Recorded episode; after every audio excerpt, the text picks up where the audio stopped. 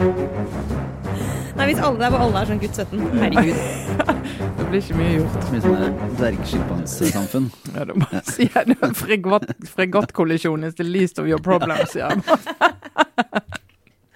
Ja. Nei, men det var um, fin oppvarming ja. til noe helt annet. Til no ja. Ja. ja. Skal vi bare begynne?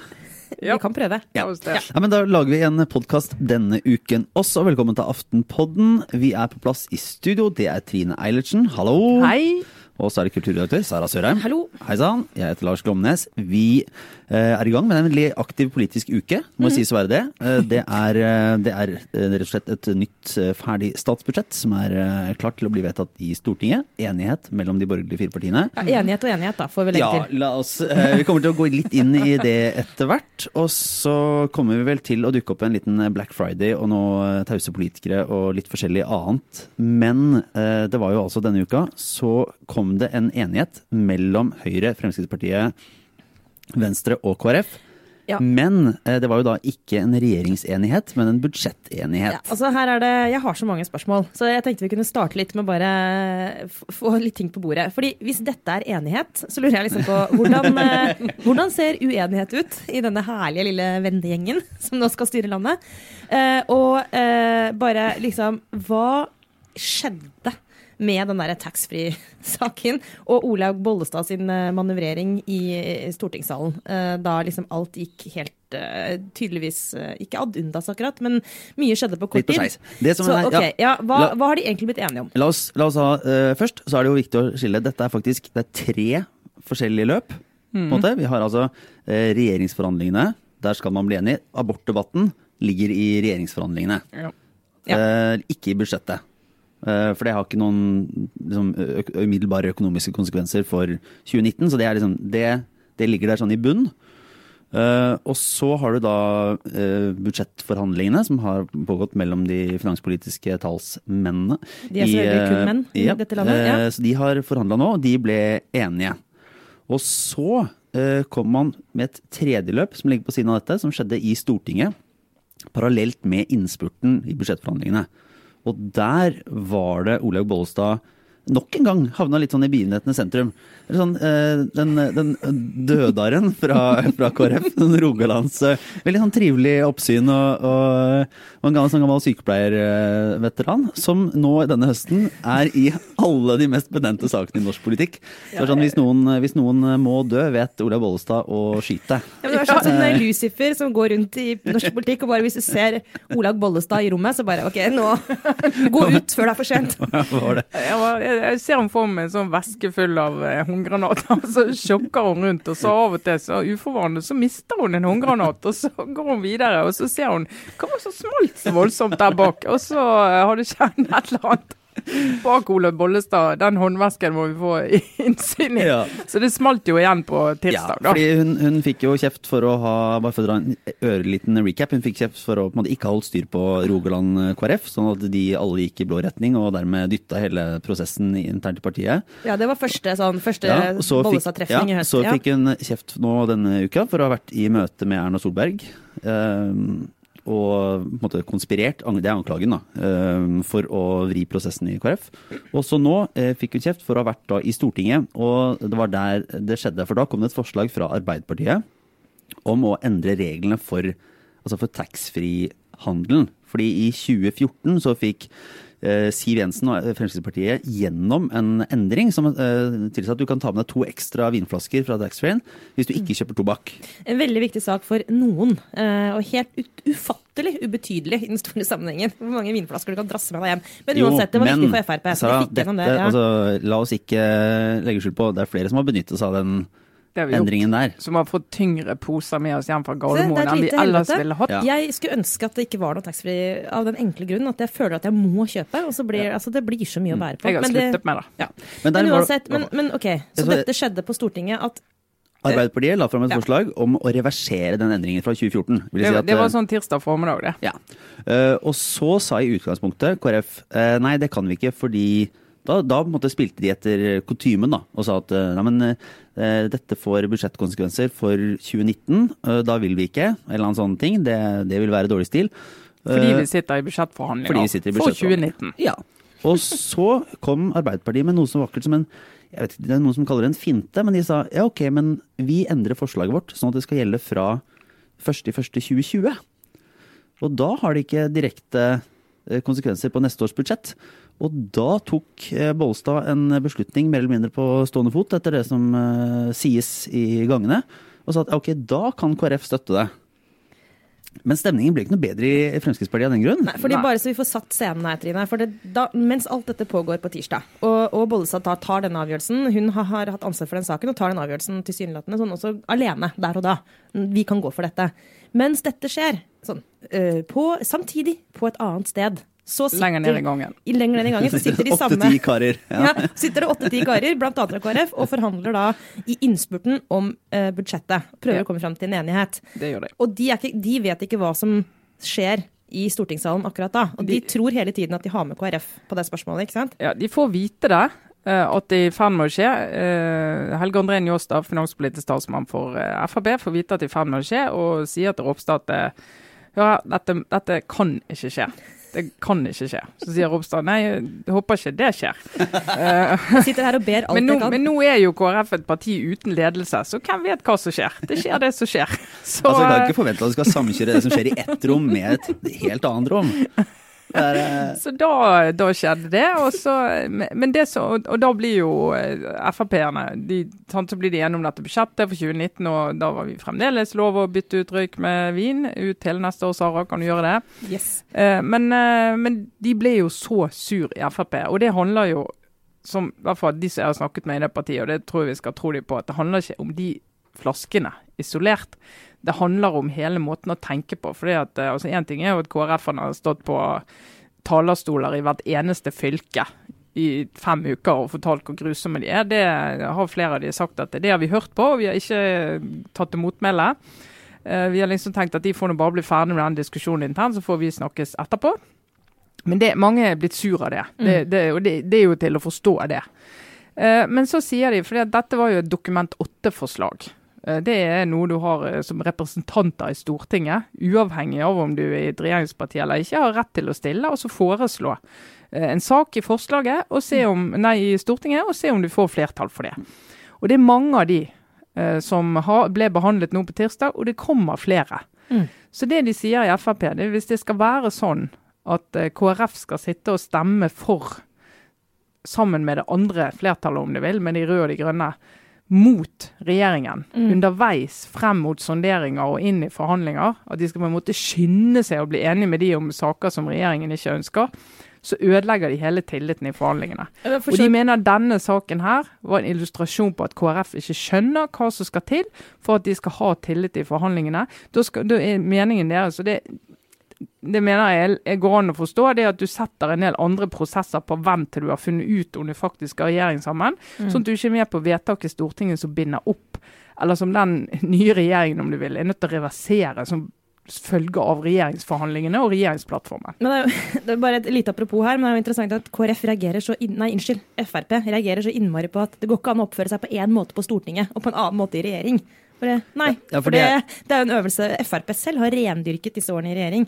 Men uansett det til side, så, så um, betyr denne krangelen om taxfree-kvota ikke nødvendigvis at sånt, eh, en enighet om en regjeringsplattform er umulig, men det betyr at stemningen har blitt om mulig enda dårligere. ikke sant? Når de skal gå videre nå fra De har blitt enige om et budsjett, og nå egentlig er det de begynner regjeringsforhandlingene, da, eller? Nei, de har begynt allerede.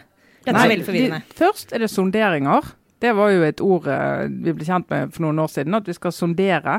Det betyr, det gjorde de før de gikk i regjering med Venstre, og det gjorde de i Nydal i 2013. Ja. Da sonderer de, for dette er partier sånn, som ikke har, har lagd en plattform eller skisset en plattform før de går til valg, sånn som de rød-grønne gjorde.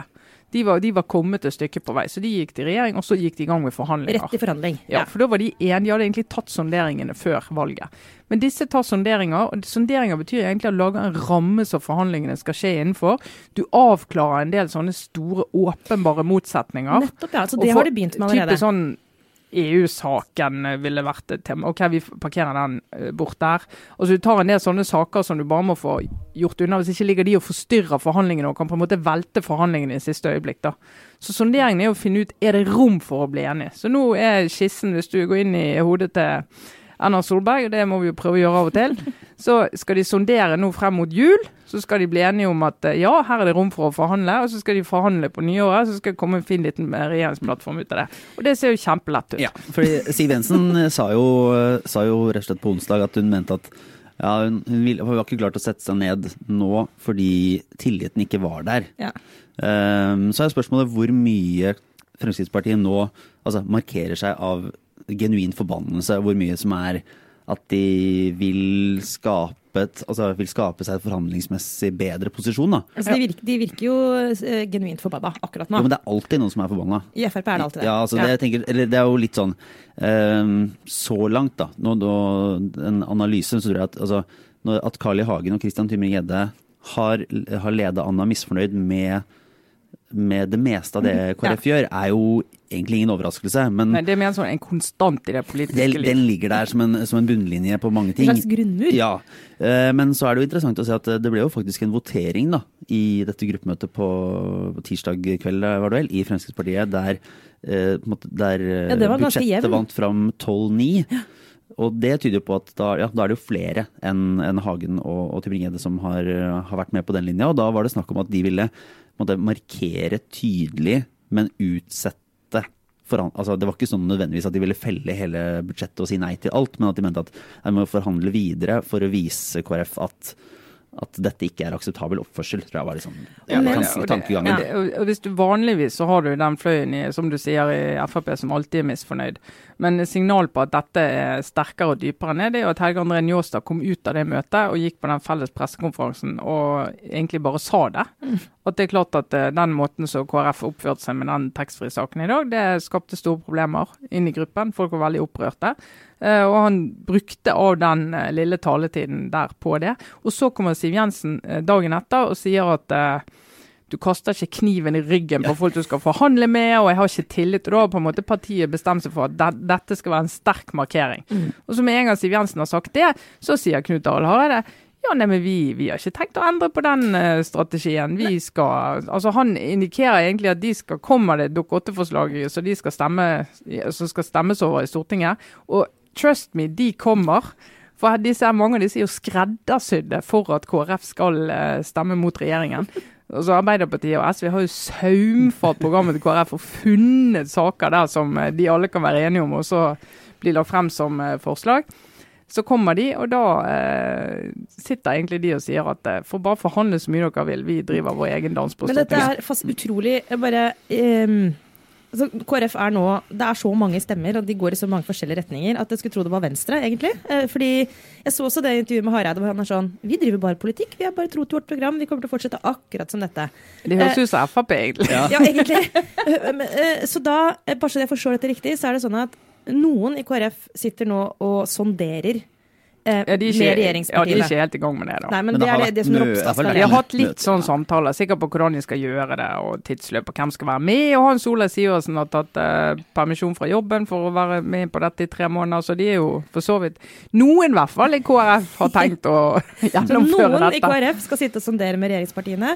Noen i KrF skal fortsette å være opposisjonsparti på Stortinget, egentlig. Mm -hmm. eh, og noen i KrF uh, er jo fortsatt tydeligvis med på et sånt Altså um, hva skal vi kalle det for noe, den gule, den uh, Grøvan-gjengen i KrF ligger jo heller ikke stille. I hvert fall ikke Grøvan selv. Uh, som uh, det nå i dag var en sak i Klassekampen om at han jobber fram et mistillitsforslag jobber med et mistillitsforslag mot regjeringen, basert på den objektsikringssaken som skal opp i Han går og ruger på det, ja. Det er sånn, KrF er sånn, den som har enten er liksom vennen eller kjæresten som har funnet ut at hvis du bare krangler på mange ting, så får du veldig mye oppmerksomhet. Og litt sånn omfavnelser etter hvert. Det er sånn, en litt rar sosial dynamikk. For Grøvan, eh, denne objektsikringssaken som vi har vært innom tidligere i høst, kom kommer jo da opp neste uke. Mm. Og der vil ikke Grøvan utelukke at det kan komme mistillit mot regjeringen, som, de nå, som de nå, skal inn i? Nei, altså Rent formelt så har han jo sittet på det tørre, for han har jo sagt det hele tiden at eh, nei, vi, dette er veldig alvorlig, og dette kan ende mange steder, men det er veldig alvorlig. sant? Altså Indikerer i hvert fall sterk kritikk da, som er trinnet før uh, mistillit. Eh, men så skriver jo Klassekampen at han skal ha formulert et mistillitsforslag. Og så spør folk i KrF, så sier men dette, og det sier for så vidt han, og dette har ikke vært behandlet i gruppen. Altså Vi har ikke tatt stilling til det. Så da får du litt sånn inntrykk av at Grøvan personlig, altså sjefen for Grøvan-alternativet Han, han, Lederen i han leder for Grøvan eh, Han jobber for mistillit. Sjefen for Team Hareide jobber for å stemme for så mange eh, Dokument 8-forslag eh, som går mot regjeringen som en rekker før partiet går inn i regjering. Mens eh, Ropstad-fløyen skal da sitte og prøve å forhandle regjeringsplattform med regjeringen. Mens Olaug Bollestad skal gå rundt og lage Og, og og, miste håndgranater ut av vesken. Ok, for la oss da vi spoler litt fremover da. Hva, hva er det tenkelige Og, og dette var vel halve stortingsgruppen, var ikke det? For hva eh, kan skje nå? Sandsigerskene her i studio, hva mener Ja. dere kan skje nå? Nei, det vet jeg ikke. Det er jo Trine som kan komme med en, dypere analyse. Men jeg synes det er interessant å fort, liksom fortsette spørsmålet på hvor mye er, av det her er reelt Altså reell politisk uenighet. Fordi at det er jo, en ting er at altså, Det finnes jo et, eh, et landsstyrevedtak i KrF på at de ikke kan sitte i regjering med Frp. Så den politiske forskjellen er jo veldig, veldig stor. Og så har de jo da bestemt seg for at det kan de likevel.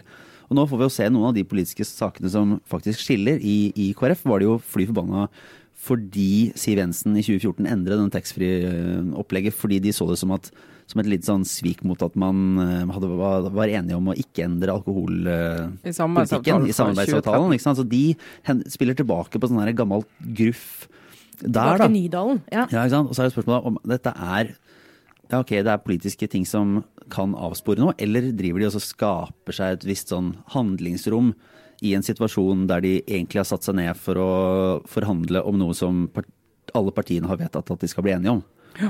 Men de, de, de oppnår begge deler, egentlig. Fordi Mm. at eh, altså, hvis, du skal tenke, hvis du skal tro, da, tiltro noen av disse strategiske gener, og det får vi jo Altså, det er vanskelig å vite. Det er veldig vanskelig å vite, altså. Det er veldig vanskelig å vite, men La oss si at det er en strategi et eller annet sted her, da. Men ja, tre-fire strategier, da, og ikke ja, ja. nødvendigvis i samme Jeg, jeg, retning. tror, men- det er i hvert fall kan sikker på at det er ikke én. Nei, hver mann sin strategi. Det her er, dette er liberaldemokratiet. Men uh, da, med, ved å gjøre dette, så Frp og KrF, de skaper seg jo nå rom i forhandlingene.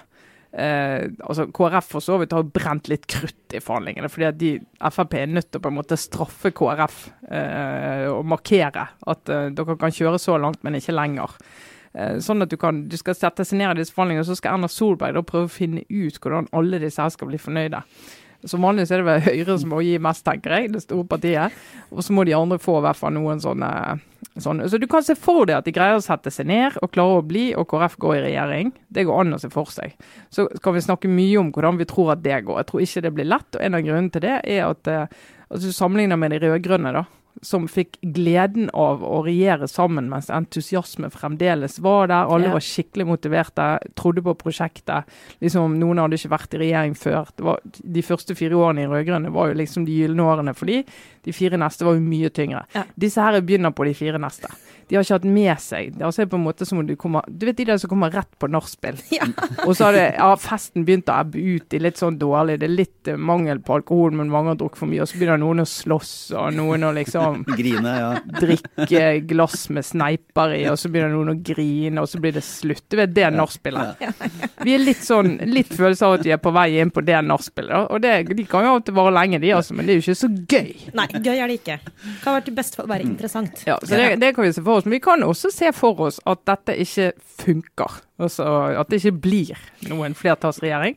At de forhandlingene at sonderingene f.eks. slår fast De må jo sondere, for det har de forpliktet seg til. Men at de finner ut at det, det, det går ikke. Det er ikke grunnlag for en flertallsregjering. Og da har landsmøtet til KrF sagt at da skal vi prøve å forhandle andre veien. Og det som er det, altså det her er bare en sånn Som journalist så liker man jo at ting skal være Altså, det er mye drama. Det er, det er interessant å, å dekke. Og for en skjebnens ironi det ville være hvis Knut Arild Hareide, som har prøvd å få til sånn, et samarbeid mellom Høyre, Venstre og KrF i hva er det, tolv år Altså, uten å komme noen vei, og, og her Ja. sa at det tror jeg ikke noe på, vi må velge en vei, og så må det ofre seg som leder. Og så ender det opp med hans drømmeregjering. Altså at, at Frp går ut av regjering Ja. og, bytter, og KrF kommer KrF inn. går inn. Og Knut Arild Hareide, han kan jo da teoretisk sett komme tilbake og bare Da snakker vi strategi! Det var det jeg egentlig ville. Ja, det er sånn tredimensjonell altså tredimensjonell sjakk-greie som er helt, eh, helt vill. Det ville jo vært Men det må, altså, de må vel bli enige. De, de er jo liksom forpliktet til å bli enige, da. Altså, Jeg kan ikke huske altså, ordentlige regjeringsforhandlinger der de ikke er blitt enige. Etter Sånn- sonderinger så pleier det å bli enig. Men du, vi skal eh, egentlig bare én ting eh, på tampen her. fordi den saken som drukna litt, som, eh, som jo satte virkelig fyr på starten av uka, var denne VG-avsløringen eller gjennomgangen av spillet i kulissene, da, som det kan kalles, mellom Høyre og KrF. I forkant av det ekstraordinære KrF-landsmøtet. Der blant det kom fram at det var holdt et ja, VG kalte det et hemmelig møte. Superhemmelig kalte men, de det. eh, Ja, men eh, det var vel strengt at alle de involverte, og, og Hareide sier i hvert fall i etterkant at de visste om det, så det var vel kanskje bare tidligere ukjent. Ja, Altså det, som er litt, bare, det. det som er litt gøy, at hvis det har vært ukjent for journalistene, så har vi en tendens til å kalle det superhemmelig. Ja. Men det var hemmelig for oss. Eller vi hadde bare ikke spurt. Eh, Ja. Men uansett var det jo et møte som Det fikk jo konsekvenser, så det var et viktig møte, og veldig bra at VG gjorde den saken. Fordi det, det er alltid veldig sånn det, det, det var godt journalistisk arbeid, og det er alltid interessant å lese etter at en sak har utspilt seg sånn i offentligheten.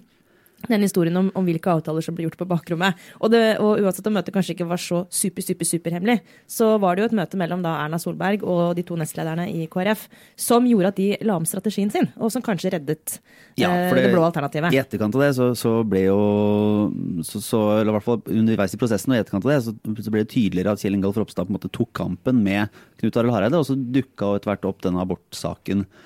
Eh, den dukka opp og ble et sentralt tema for liksom blå side i KrF. Det var det man jobba videre på. Og så har, jo, har det vært spekulert i rollen til Erna Solberg i å dytte det inn, da. Fordi det er jo tidligere avdekka at det var liksom dialog mellom de to partiene da si, utfordringen kom fra KrF og svaret kom fra Erna Solberg og hele den der prosessen.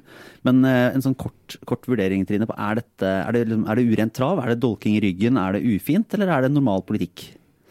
Ja, nå er det jo litt så forskjellige Hvis du snakker med eh, noen, da, i hvert fall i KrF, så er jo de Og Erna Solberg sier jo sjøl at det var de KrF-ene som inviterte seg sjøl til møte, og det var de som tok opp abort.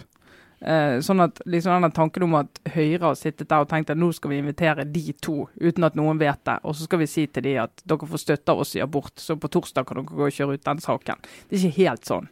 Men det er klart at de sitter og snakker om det.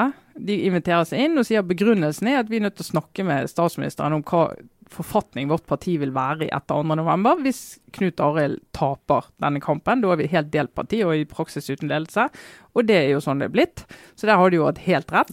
Og hva parti, hva, hva parti er det da du skal forhandle med? Så diskuterer de det, og så eh, snakker de om hva er viktigst for oss. Og så tar de utgangspunkt i denne verdighetsreformen, eller hva de kaller det. som ja, Det handler om mye sånn bioteknologi, abort, alt mulig som de har jobbet med. Og så legger jeg frem den og sier dette vil vi snakke om. Og så Burde få, sier burde få Mette-Marit til å fronte den reformen. ja, noe sånt. Og så sier Det er en sånn uverdighetsreform?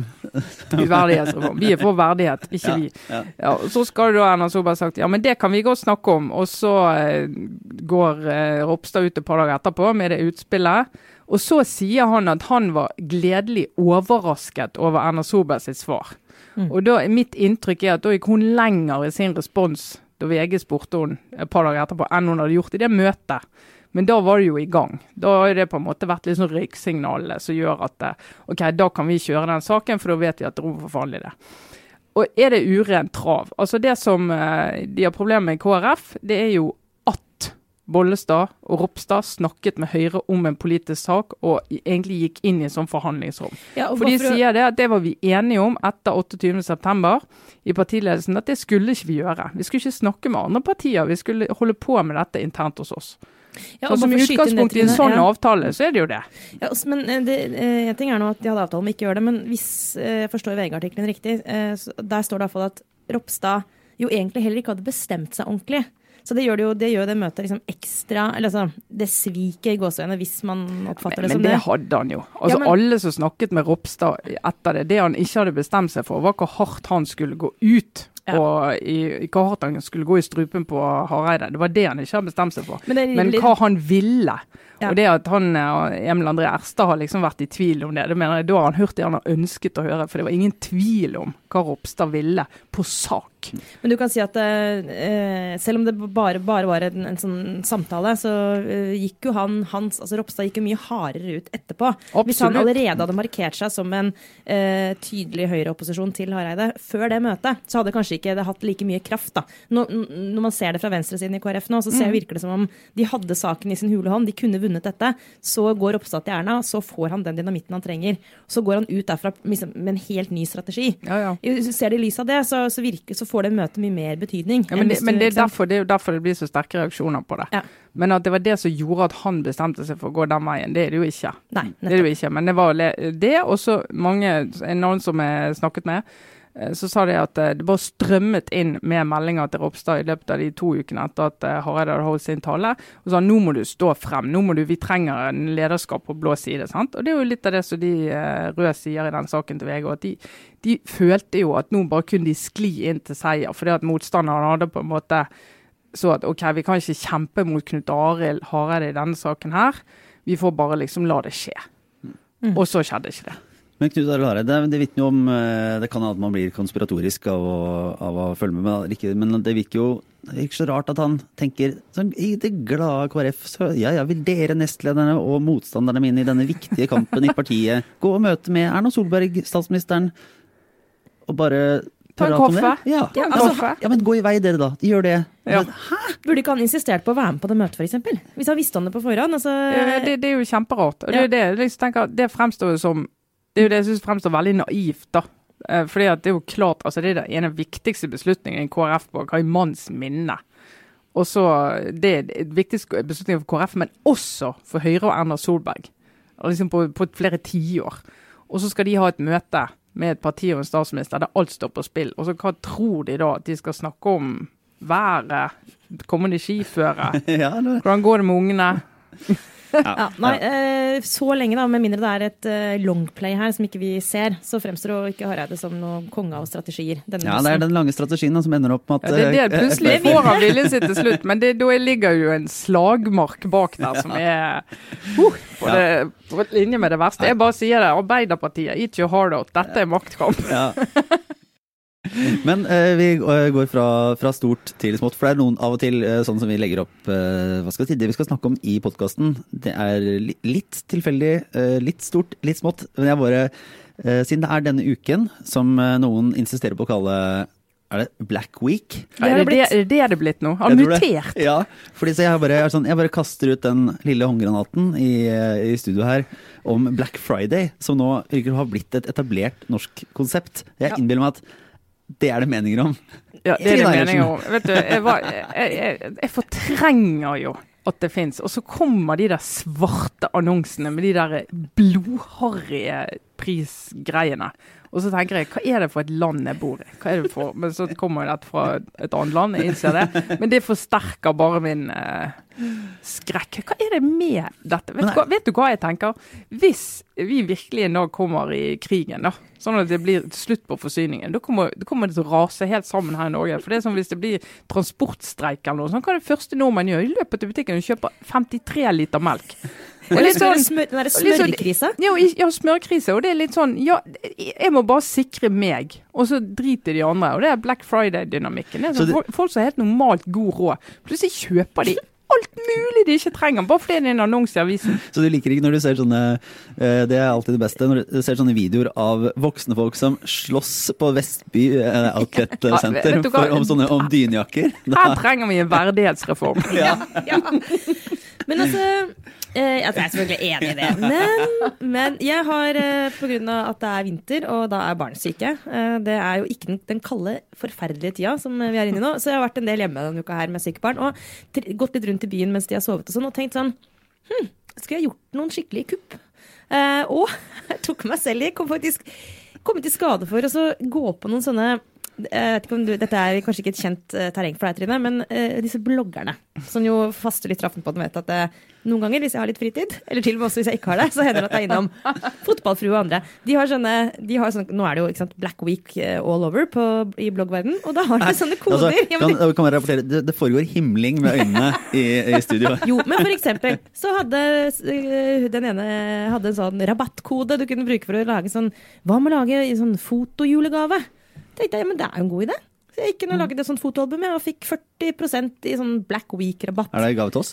Eh, Dere, jeg tror ikke, altså dere kunne godt få et fotoalbum av mine barn, men jeg tror ikke dere blir ja, glad for det. Jeg trodde det var sånne dårlige selfies av oss. Uh, Nei, kanskje jeg skulle lage Aftenpodden-albumet. Ja. Nei, men så tok meg selv tenke sånn Hvis man bare planlegger litt, folkens. Hvis man bare Ja. har litt sånn overskudd i Ja, men- hverdagen, men så er det faktisk egentlig rett før jul helt perfekt med en uke hvor det er sånne gode tilbud. Det- Så man da bare gjør så- gjøre litt research. Maiken i parteppet Men, men, men, så, sa, jeg, la oss ikke lage en menighet der den ikke er.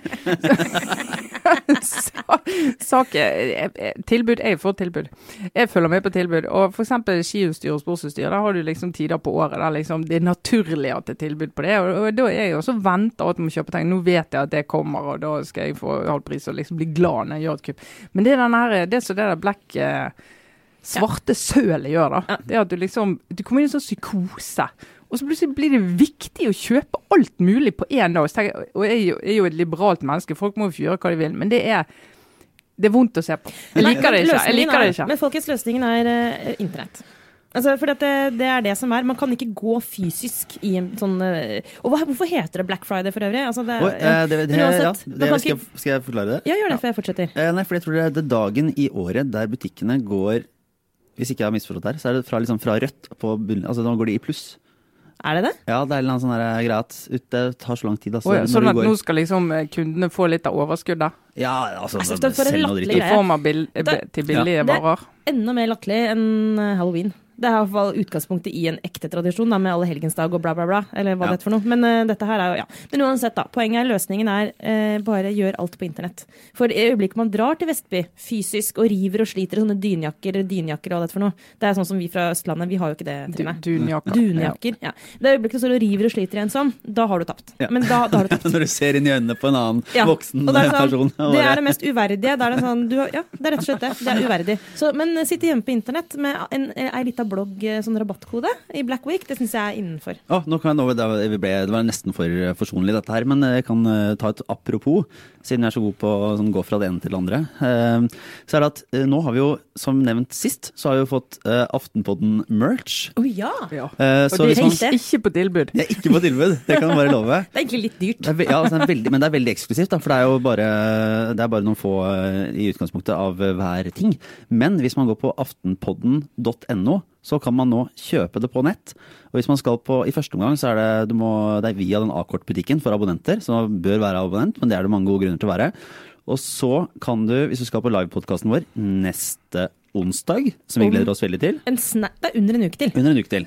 Eh, helt i boks. Eh, der kan du plukke opp de tingene, så slipper man å stå i kø. Det er eh, business, det. Ja, det, det var kjempebra. Men litt obligatorisk refleksjon her på tampen. ja, jeg har grudd meg litt for den jeg tenkte jeg skulle ta, for jeg vet at dere bare da, det, da, jeg, jeg vet egentlig, jeg nesten så jeg kunne tatt alles argumentasjon mot det jeg skal si. Men nå skal jeg stå i det. For det, er, rett og slett, Nå må jeg åpne jukselappen min. Jeg skal slå et slag for um, empatisk ledelse.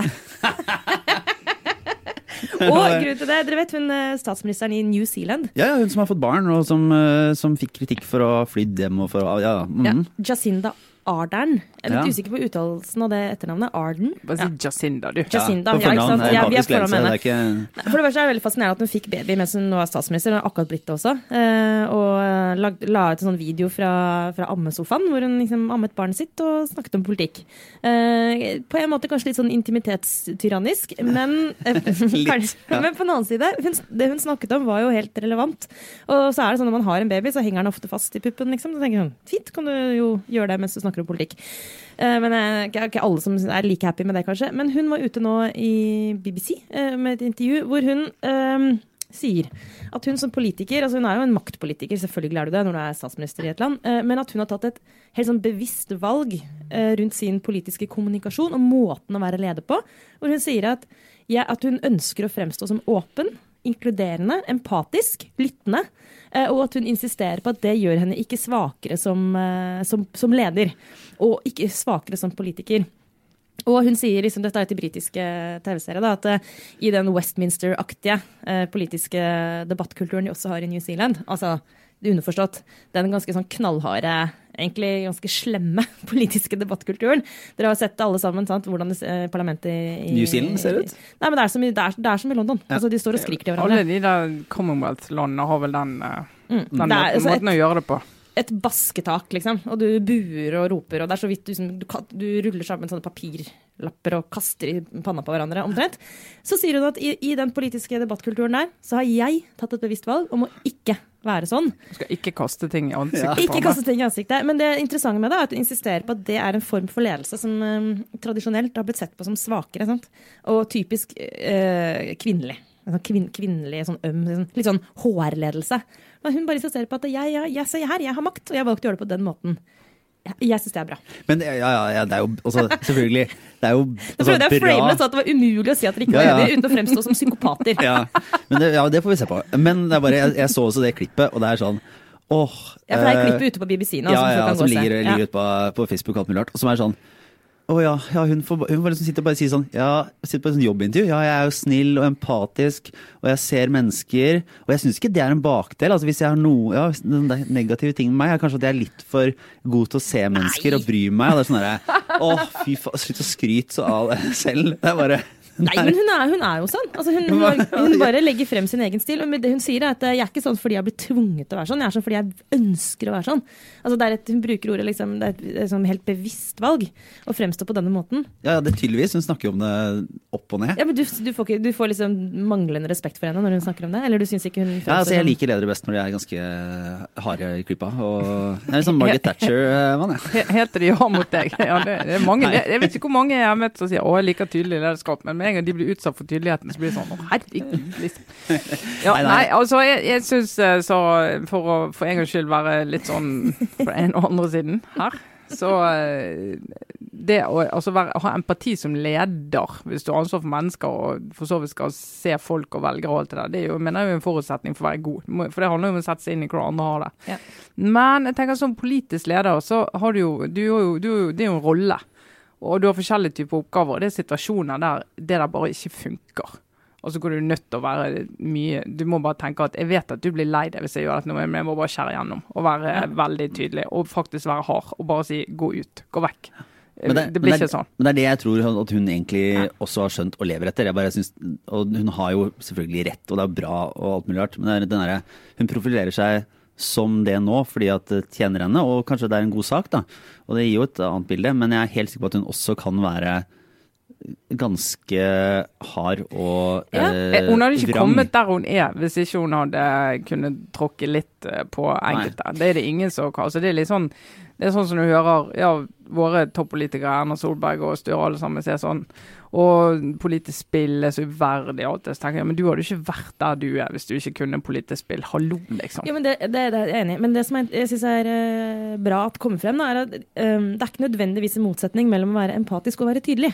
Og det er jeg litt opptatt av. For det, det, liksom, det går, uh, tvert imot så er det, det altså det der å være tydelig, ikke bare som leder, faktisk i vennskap og alle andre relasjoner òg, er jo også å vise omtanke. Altså Alle vet hvor frustrerende det er å ha en utydelig eh, Altså en leder som ikke gir tydelige signaler.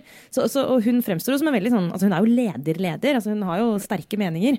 Men at hun liksom, i hvert fall i mine øyne utfordrer litt den der, eh, litt sånn svart-hvitt-tankegangen om at enten så er du knallhard eh, og tydelig, eller så er du liksom empatisk og virrete. Ja, men jeg skjønner ikke helt motsetningen, da.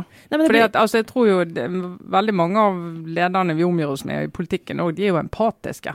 Altså, De er jo empatiske i, når de er i en rolle der de skal være det. Det er ikke sånn at de lederne vi har i dag, ikke er empatiske, med noen lysende unntak, selvfølgelig. Men- Men mange av, de, mange av de er jo det. Men så er det klart at i noen situasjoner, hvis du er, på under, hvis du er i Underhuset i, i London, og du kjemper for en sak som du, velgerne dine har stemt deg inn for at du skal kjempe for, så nytter det ikke å stå der til motparten og si vet du, det er veldig interessant det du sier, jeg skal lytte til det. Og jeg skjønner at fra ditt ståsted så ser det sånn ut. Altså, Da er taletiden din vekke, og så har alle ropt forbi deg. Du må liksom, så skal du si at du ønsker å endre den politiske kulturen, og hvordan skal du gjøre det, men jeg vet ikke om måten da er å si at jeg, i motsetning til alle andre, jeg er empatisk. Jeg bare si moralistisk ut, men det som er, det jeg syns er eh, Som jo åpenbart er positivt, er at, at du kan være da en kvinnelig statsleder uten å skulle spille på sånn veldig tradisjonelle mannlige styrker. Ja. Altså at det ikke må være sånn Det var tull det med Margaret Thatcher i stad, men det var sånn her Iron Lady. At du må være ja, sånn. Du må være liksom gi inntrykk av å være hardere og mindre følsom enn Ja. enhver mannlig leder fordi du er kvinne og liksom kompensere. Her, det er jo bra at noen skaper seg et rom der, det, der det å være leder kan ses på flere måter, og du kan liksom sitte og, og ha en baby og være, snakke på en annen måte enn den der klassiske hammeren i huet-greia. da. Mm. Så Ja, men det Og så tror jeg for en del at det, som politisk strategi tror jeg det kan være smart for en del velgere å ha litt sånn sug etter en annen type leder Ja. og tenker jeg orker ikke det der eh, hyl og skrik og slå hverandre i hodet, jeg må, jeg må ha noe annet. Så det kan være sånn du treffer noe der, sant. Ja, Men interessant. Uansett så er hun, er bare, hun er litt sånn kul figur å følge med på. Mm. Ja, hun, er jo, hun er Eh, jo en annerledes politiker, selv om hun nok er også ikke annerledes. ja. Det var utrolig godt sagt, Trine. Ja, det, det tror ikke jeg skal Altså en re- skrive. retorisk uh, perle. Men, uh, Men jeg legger det ut på ja, Facebook-siden ja. vår, så kan folk eh, dømme sjøl. Ja. Kan dere kjenne etter om dere vil åpne hjertene deres ja, ja. eller ikke. Men jeg skal egentlig bare, det er jo en kjapp liten reprimande da, til norske politikere som da går inn i stereotypien når de f.eks. anklages for lite innsyn og, og liten åpenhet om egen pengebruk i Stortinget. Ja, dette har vi jo skrevet om i Aftenposten ja. i det siste. Fortsatt en veldig veldig god serie som eh, jeg anbefaler alle å lese eh, om. Eh, veldig interessant. Men det som bare er min lille refleksjon her, altså det er politikerne som nå de gjemmer seg helt fra den debatten og nekter å stille opp. Og du hørte her fra, Nå blir det kanskje noen som stiller opp i NRK etter hvert, det får man jo bare håpe, men Sigrid Sollund skrev på Twitter at de har liksom forsøkt i flere dager å følge opp dette og ta debatten i Dagsnytt 18. Altså dette, vi bare så lytterne henger med. Altså dette er snakk om da eh, at, eh, hva, eh, hva partiene på Stortinget velger, og, og hvordan de bruker pengene. Ja. Eh, og at vi har avdekket at de bruker, noen partier bruker veldig mye penger på fest og moro, f.eks. Ja, særlig regjeringspartiene må jo kunne legge til. Ja, men at de ikke vil A. Gi innsyn i hva pengene er brukt til, eh, mange av partiene. Og B. At de ikke da, som du var inne på nå, Lars, at de ikke heller vil kommentere saken. Det er akkurat som du bare lukker øynene og bare, bla, bare håper det går over. Og det er jo sti- stikk i strid med hvordan folkevalgte liksom bør opptre. Altså det Ja. med å være åpen om, om dette. Så bør veldig, jo veldig være ros til, Ja. eh, til da SV Rødt, SV, MDG og KrF. Ja, som, Ja. Har, eh, som har vært åpen, tenker at dette er skattepenger. Vi skal kunne stå for det vi bruker penger på. Eh, her er det åpenhet. Eh, refs til eh, de andre som eh, sier nei takk, og i veldig liten grad er villig til å forsvare det med Ja. altså, La oss ta debatten. Det er Det- i så fall Hvis det- du mener at det er riktig å være, ha hemmelighold, så må du stå for det. Ja, det er det jeg mener. For nå er det sånne hjelpeløse Eller det jeg mener, det er det du mener, Ja. Lars. Ja, men det er ofte det du mener, så det går bra. eh. Eh, hvis vi tar uh, parallell til når vi har diskutert eh, lønnsnivå på Stortinget, vi har diskutert pensjon, vi har diskutert etterlønnsordninger, som, som også eh, mange, mange er kritiske til det. Er det for høyt nivå? Tjener de for lite? Tjener de så mye at de fjernes fra befolkningen? Burde de tjene mer, sånn at det blir attraktivt for flere? Altså, en diskusjon. Og da er stortingspolitikerne selv ute og diskuterer. eh, Og kommer med interessante innspill og syn på hvorfor det er sånn som det er, eller hvorfor det ikke bør være sånn som det er. Fin debatt. Denne debatten her deltar de ikke i. De gjemmer seg under busken. Og det virker som om de ikke kan stå for det de gjør. Og jeg mener Hvis de virkelig oppriktig mener at det er helt umulig å gi velgerne, for det er det vi snakker om her, innsyn i hvordan eh, partipolitikerne bruker de pengene, pengene som de har bevilget seg selv Mhm. gjennom statsbudsjettet, Uh, mens da noen partier åpenbart ikke syns det er et problem, så er det noen syns det er et stort problem. Så må de forklare det og komme litt sånn wishy-washy. Ja, nei, men det er ikke lovpålagt. Det ikke. Altså, dette handler ikke om lover og regler, det handler om hva som er klokt. Ja. Dette er uklokt, og vi har et politisk system. Det er bare å ta en liten sveip i sosiale medier og se på reaksjonene på dette. Og det sjøl også veldig si, regjeringslojale folk og Ap-lojale folk som er litt sånn alvorlig talt, gutter og jenter. Dette her. Det går ikke. Det her spiser av tilliten. Og det som vi alle vet, tilliten raser veldig fort. Tar lang tid å bygge opp, men kan s- rase bygge ned veldig raskt. Jeg har ikke ordet i min makt i dag. Jeg har lånt vekk makten til en annen. Frank Rostavik som sitter med ordet i sin makt i dag på kommentaravdelingen. Ja. Eh, Men du da, Trine, har du en eh, kjapp, liten obligatorisk refleksjon? Nei. Nei. Men jeg har fått refleks der det står obligatorisk refleksjon. Ja, for det er en del av merchen eh, vi har. Ikke skal si at Altså, vi er vittige, det skal vi ha. Men vi eh, er jo utrolig glad for de som har eh, kommentert dette her, disse her handlenettene våre og de tingene vi har lagd på Facebook-siden vår. Altså det, vi blir utrolig glad for at dere som hører på oss, liksom engasjerer dere i det vi driver med. For det er litt lett innimellom å glemme at, eh, at eh, liksom, dere er der ute, og at dere er etter hvert ganske mange. Så vi Så, må bare så det er liksom for oss å glemme hvor viktig det er. Her vi sitter. Men vi gleder oss til å se mange av dere på onsdag. Eh, Vi tror det blir gøy. Ja, Vi skal ikke si vi er klar, men vi skal bli det. Vi skal bli klare. Og, ja. Ja. og så er det faktisk i dag, eh, altså torsdag, så er det et eh, uoffisielt NM i podkast på Kulturhuset eh, i kveld. Som også har en digital del, der vi er i en eller annen slags kvartfinale. Jeg vet ikke helt hvordan det her fungerer, men vi, vi deltar nå i hvert fall. Så på Facebook-sidene våre så kommer det sikkert litt info om hvordan man potensielt kan stemme oss fram til heder og ære Ja. Eh, i denne uoffisielle lille konkurransen med veldig, veldig mye fram og tilbake i, eh, dueller og diverse. Men av de to eh, tingene denne uka jeg er mest interessert i, det er da uh, sjakk. Sjakk-VM. Det har vi ikke fått snakke om, men det, jeg har fått sjakkpsykose. Men jeg skal ikke plage dere med det, men det har jeg virkelig. Uh, og så er det jo NM i podkast. Så det er disse to store sportsbegivenhetene som det- foregår denne uka. For et spennende liv du lever, Sara. Nei, men uh, Da tror jeg vi takker for oss for denne gang, og så er vi tilbake med eh, live podkast. Vi prøver vel å få lagt ut den eh, onsdagens podkast på torsdag, tror jeg. For de som ikke er på Chateau Neuf i Oslo, så er jo planen ja, at dere skal få høre den dere også. Eh, dagen etter, da, kanskje. Ja. Så fort vi rekker etter Ja, altså. Det blir ikke onsdag kveld. Det Nei, ikke. det, det kan vi garantere. Ja. Nei, men Supert. Eh, takk for oss. Det var Aftenpodden med Trine Eilertsen, Sara Sørheim, jeg er Lars Glomnes. Ha det bra. Elsker du TV-serier, men syns det er vanskelig å finne godbitene i jungelen av middelmådighet? Frykt ikke, hjelpen er på vei!